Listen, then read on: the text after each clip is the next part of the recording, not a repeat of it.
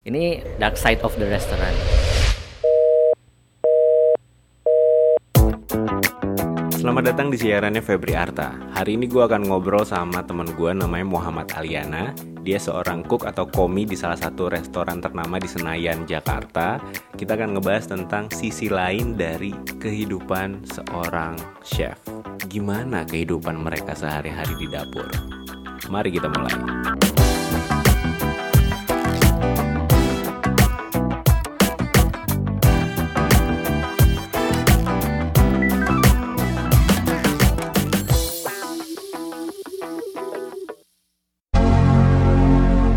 Kan lu masakin orang ya Iya. tiap hari kan? Betul. Terus berarti lu tiap hari juga makan enak dong? Makan mie ayam Kok mie ayam sih? 17.000 ribu.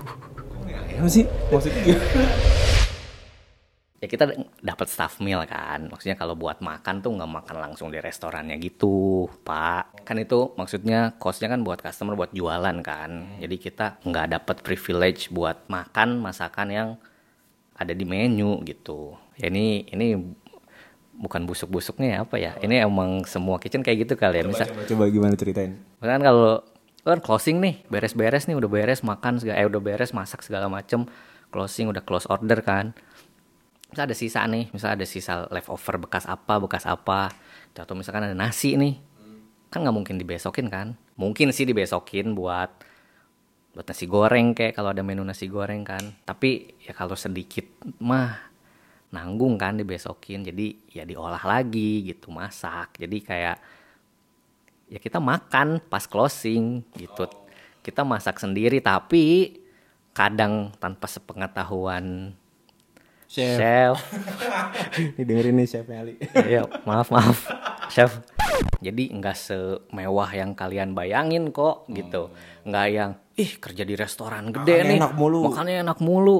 Pala lu, Lalu orang mie ayam ya. mie kan? ayam sama soto. Padahal restorannya Restorannya speak nge- satu juta nih. Iya. Makannya mie ayam tetap Belas ribu. tujuh belas ribu lagi. Sorry nih, gue banyak banget ngeliat makanan yang waste gitu. Nah, Yang akhirnya balik ke kitchen tuh Anjir masih ada sisa kan kalau di Yukihira Soma kan kalau kayak gitu penghinaan ya kan Anjir, iya, Anjir nggak enak nih makanan gue gitu kali ya betul betul.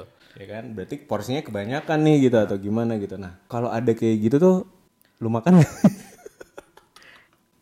pertama sakit hati sih. Kayak yang anjir nih kenapa nih? Padahal gue udah bikin enak gitu. Ya, mungkin kenyang atau emang porsinya kebanyakan. Tapi kalau kayak gitu kan nggak langsung dibawa ke kitchen kecuali kalau ada komplain. Misal steak lu mesen medium nih tapi datangnya ke sana medium well. Komplain kan datangnya ke kitchen baru nih nih. Nah tapi kalau misalkan sisa tamu itu itu nggak ke kitchen itu kan ke dishwasher ke belakang. Jadi kita kadang pun nggak tahu gitu. Nah yang makan kadang ada yang makan. Oh ada ada yang makan. Terus? Yang makan tuh kadang ya dishwasher itu makan kadang. Serius? Iya server juga makan kadang gitu. Kan maksudnya kerja di restoran capek. Terus ada yang dapat staff meal ada yang enggak nah kalau yang nggak dapat staff meal terus mungkin dia emang pas istirahat cuma tidur atau ngerokok ngopi doang nggak punya duit sorry ini sama gitu kan kayak saya. Itu kadang ya nyomot gitu. Nyomot nyomot sisa makanan gitu.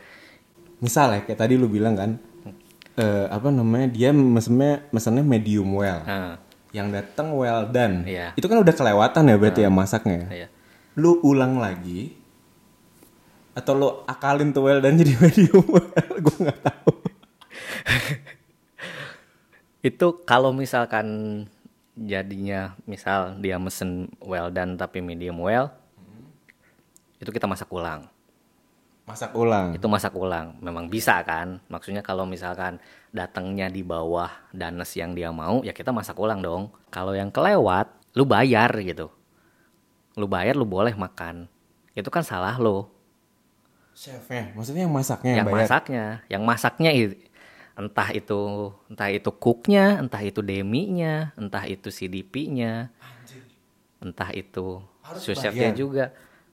Ada yang seperti itu, ada yang enggak. Maksudnya, alhamdulillah gue nggak pernah. Jadi kan ada maksudnya kayak ada budget gitu lah gue ngerti kayak buat eh, test food nih. Itu kan ada budgetnya sendiri kan. Nah, kalau misal chefnya lagi baik mungkin ini yang kelewat nih. Oh ya udah masuk ke situ aja gitu. Nah kalau salah pesen gimana?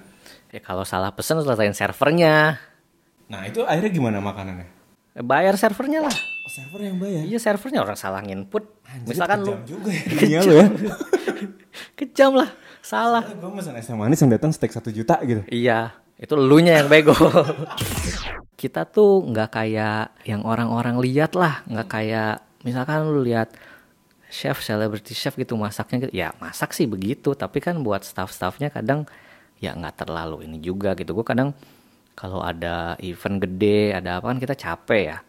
Kita capek ya kita istirahat di kitchen juga ambil jongkok sambil kayak meratapi nasib gitu. Anjir nih kerja gini amat kayak gitu iya sampai yang wah kalau misalkan customernya juga nih buat customer sama server juga nih jadi sorry nih kita kan misal ada satu dish nih di restoran tuh kan banyak menunya banyak menunya satu itemnya banyak kan.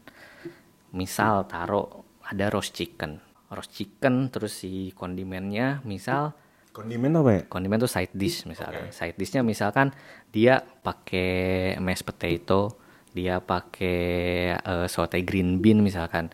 Udah toh itu misalkan. Tapi customer min- minta minta change nih. Boleh nggak pakai telur nggak usah pakai mesh nggak usah pakai ini boleh nggak pakai telur?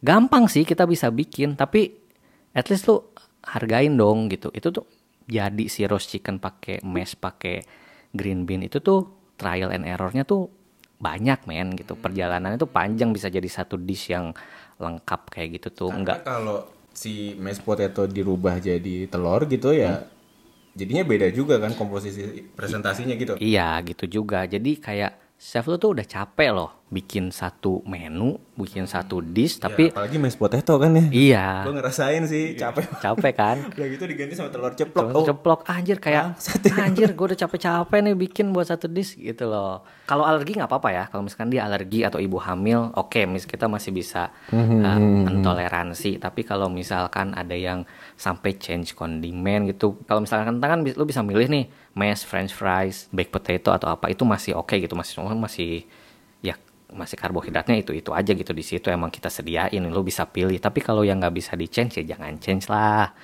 Gitu.